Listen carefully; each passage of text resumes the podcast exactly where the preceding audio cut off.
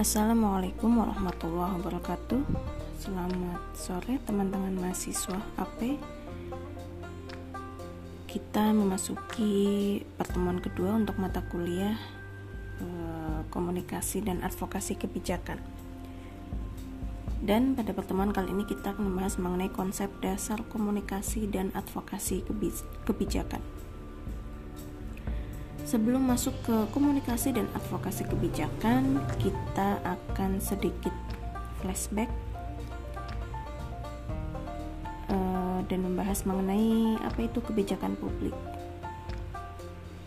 Mungkin di sini teman-teman mahasiswa sudah pernah membahas ya di mata kuliah lainnya tentang apa itu kebijakan publik, tapi kita akan mengulang sedikit agar kita memahami uh, konteks ketika kita membahas mengenai komunikasi dan advokasi kebijakan. Kebijakan publik secara sederhana merupakan bentuk pernyataan formal dari pemerintah tentang pilihan terbaik dari berbagai alternatif penyelesaian masalah publik. Pemerintah dituntut untuk memiliki kemampuan yang memadai agar mampu menyesuaikan diri dengan dinamika perubahan lingkungan ada berbagai macam pengertian kebijakan publik daripada uh, dari para ahli. Silakan bisa sambil dibaca. Salah satunya adalah Thomas Day di mana dia menjelaskan bahwa semua yang diputuskan atau tidak diputuskan oleh pemerintah termasuk dalam definisi kebijakan. Sedangkan Frederick menjelaskan bahwa kebijakan adalah keputusan yang diusulkan oleh individu, kelompok, atau pemerintah yang bertujuan untuk menyelesaikan suatu permasalahan. Berbeda lagi Anderson menjelaskan bahwa kebijakan publik itu sebagai serangkaian tindakan yang dipilih secara sengaja oleh seorang aktor atau sekelompok aktor yang dimaksudkan untuk mengatasi suatu masalah. Dan terakhir ada Lester and Stewart di mana kebijakan adalah sebagai proses atau rangkaian kegiatan pemerintah untuk menyelesaikan permasalahan publik kurang lebih sama dengan Anderson.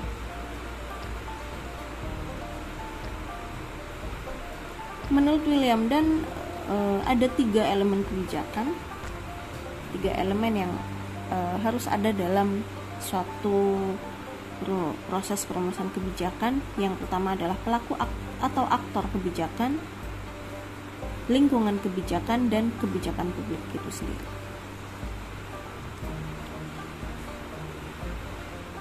Kebijakan publik lahir karena tuntutan-tuntutan yang merupakan serangkaian pengaruh lingkungan dan kemudian ditransformasikan ke dalam suatu sistem politik.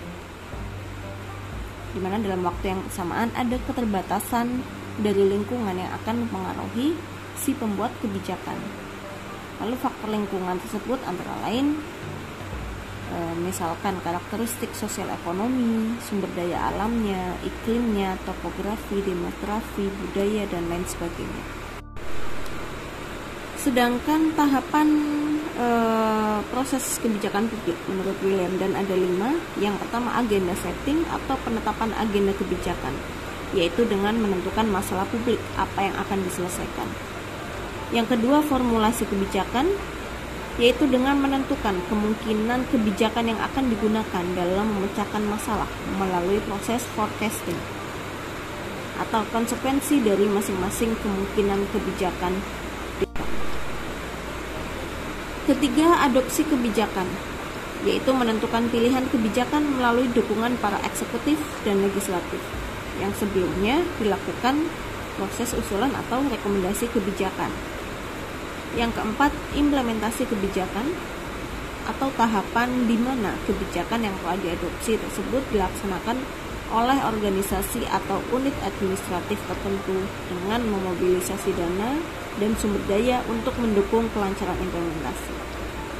Nah, pada tahap ini proses e, pemantauan atau monitoring kebijakan itu dilakukan Lalu yang terakhir evaluasi kebijakan yaitu tahap melakukan penilaian kebijakan atau kebijakan yang telah diimplementasikan. Nah, selanjutnya kita masuk ke komunikasi kebijakan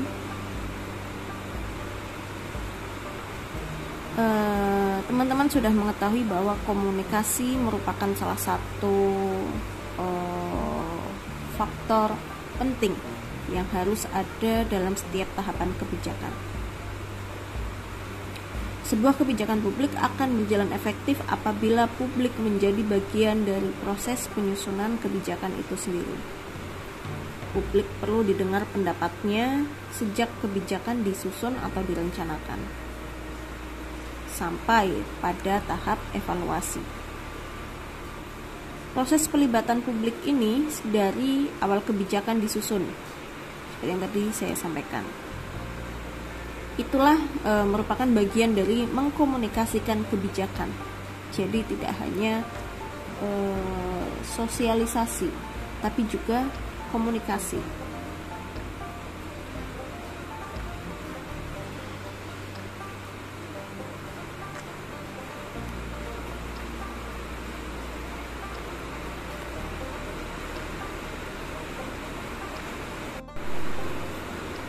Mengapa kemudian komunikasi menjadi penting? Karena pemerintah sering kali memberikan penjelasan yang e, cenderung mengambang dan kurang dapat memberikan argumentasi yang berorientasi kepada mutual benefit antara pemerintah sebagai si pihak pembuat kebijakan dan masyarakat sebagai penerima dari sebuah kebijakan. Akhirnya hal ini sering menimbulkan misinterpretasi terhadap kebijakan-kebijakan baik yang sedang disusun maupun sedang dilaksanakan oleh pemerintah. Setiap kebijakan dari saat menjadi uh, agenda, perumusan, penetapan, pelaksanaan hingga evaluasi harus menjadikan komunikasi uh, sebagai faktor yang penting dan punya peran yang signifikan. Nah, komunikasi sendiri itu apa?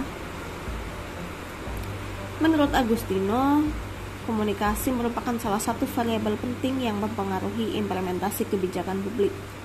Komunikasi sangat menentukan keberhasilan pencapaian tujuan dari implementasi kebijakan publik.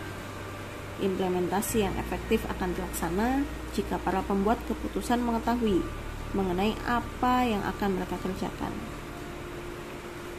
dan menurut Cook and Hunsaker, tujuan dari komunikasi ini adalah untuk meningkatkan koordinasi, berbagi informasi, dan pemuas kebutuhan sosial. Jadi pada intinya komunikasi pemerintah kepada publik itu adalah penyampaian ide, gagasan, program, dan kebijakan dari pemerintah kepada publik dalam rangka mencapai tujuan nasional. Nah, kalau teman-teman masih ingat dulu di mata kuliah implementasi dan evaluasi kebijakan eh, pada tahap implementasi kebijakan, model implementasi menurut pandangan Edward III dipengaruhi oleh empat variabel yakni komunikasi, sumber daya, disposisi, dan kemudian struktur birokrasi. Jadi dari sini pun kita dapat lihat bahwa komunikasi menjadi salah satu variabel penting untuk mencapai keberhasilan implementasi kebijakan juga pada tahap-tahap lainnya dalam proses perumusan kebijakan. Masyarakat saat ini telah mengalami pergeseran budaya di mana masyarakat tidak lagi dengan mudah menerima kebijakan atau regulasi yang ditetapkan oleh pemerintah tanpa mereka memperoleh informasi mengenai manfaat yang dapat menjadi akselerator bagi kegiatan yang dilakukannya.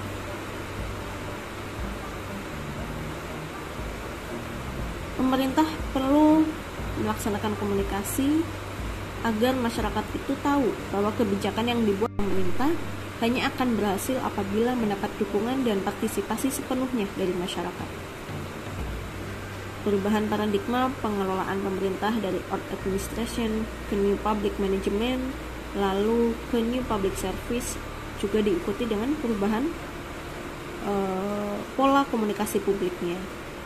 Humas pemerintah saat ini dituntut untuk bisa mengkomunikasikan kebijakan, rencana kerja, dan capaian kinerja kepada masyarakat luas melalui berbagai media yang ada, baik itu media tradisional, media konvensional, dan media baru yaitu dengan memanfaatkan teknologi internet.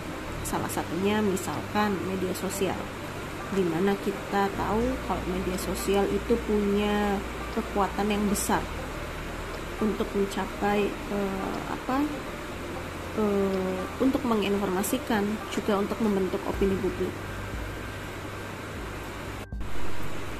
Komunikasi yang efektif menurut Lipman dalam Effendi adalah komunikasi yang berusaha memilih cara yang tepat agar gambaran dalam benak dan isi kesadaran dari si komunikator dapat dimengerti, diterima, bahkan dilakukan oleh si komunikan atau pihak yang menerima komunikasi.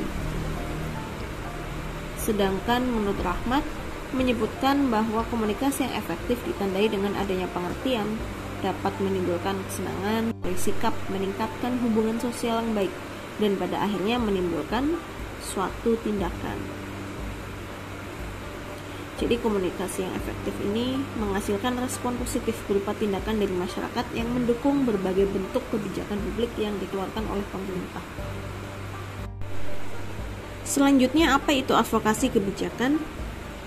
Advokasi merupakan upaya untuk e, mengingatkan dan mendesak negara dan pemerintah untuk selalu konsisten dan bertanggung jawab melindungi dan mesejahterakan seluruh warganya. Untuk mencapai tujuan itu, berbagai bentuk kegiatan advokasi dilakukan sebagai upaya untuk memperkuat posisi tawar atau bergaining position suatu organisasi kelompok kepentingan, asosiasi, organisasi massa dan sebagainya.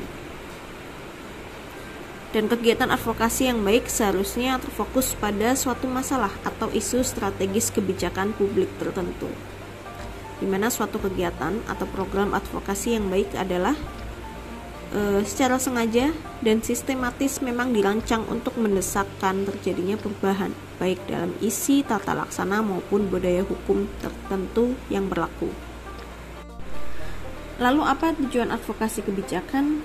Yang pertama, melakukan perbaikan substansi kebijakan. Kedua, melakukan perbaikan proses penyusunan dan keputusan kebijakan, ketiga perbaikan pelaksanaan dan pertanggungjawaban kebijakan, keempat mendorong perubahan persepsi dan sikap masyarakat atas kebijakan, dan yang kelima mendorong peningkatan transparansi juga akuntabilitas pemerintahan. Unsur-unsur advokasi ada enam. Yang pertama, proses yang berencana dan sistematis. Kedua, bertujuan memperbaiki atau mengubah suatu kebijakan. Ketiga, kebijakan publik sebagai sasaran advokasi.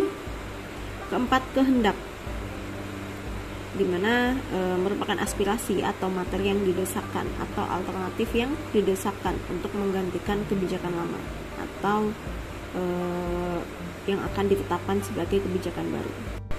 Yang kelima pihak yang melakukan advokasi dan keenam pihak yang diadvokasi yaitu para penentu kebijakan bisa dari legislatif maupun eksekutif. Lalu apa kaitan komunikasi juga advokasi dengan kebijakan publik? Seperti yang eh, sudah saya sampaikan bahwa komunikasi dan advokasi itu eh, bisa terjadi dalam setiap tahapan perumusan kebijakan.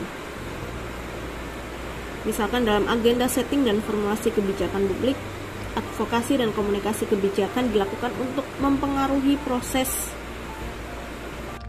agenda setting dan formulasi kebijakan ini.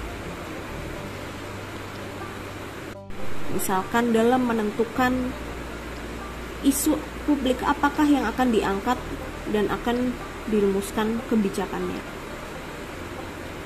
Di situ dapat dilakukan advokasi dan juga komunikasi misalkan daripada e, dari para ormas atau LSM mereka berusaha mengadvokasi e, ke pemerintah mengenai isu publik yang menurut mereka penting untuk atau mendesak untuk dibuatkan sebuah kebijakan.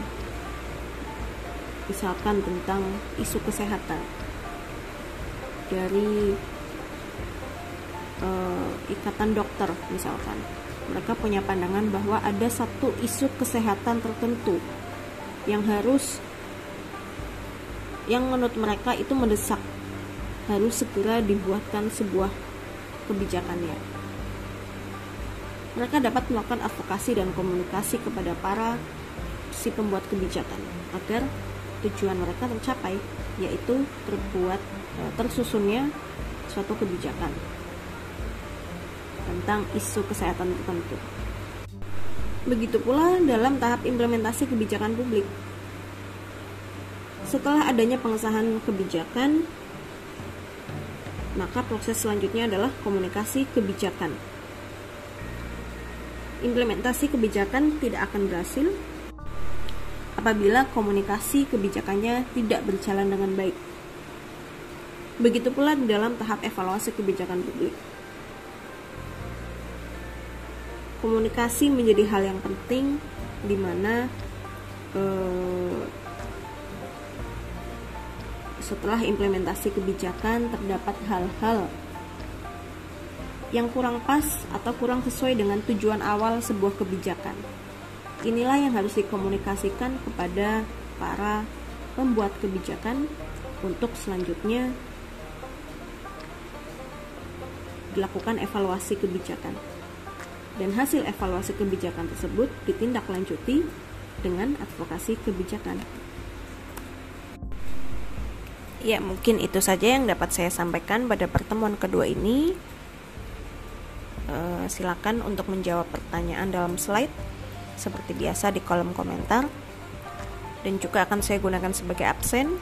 Jadi harapannya semuanya menjawab begitu ya.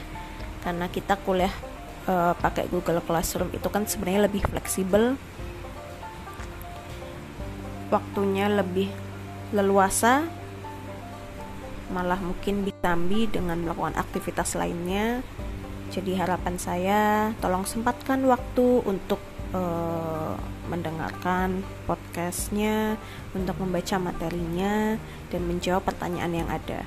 Begitu pula jika ada pertanyaan silakan tuliskan di kolom komentar. Nanti uh, akan dijawab oleh saya atau teman-teman lainnya. Begitu kurang lebihnya mohon maaf dan semoga kita semua dalam, selalu dalam keadaan sehat. Wassalamualaikum warahmatullahi wabarakatuh.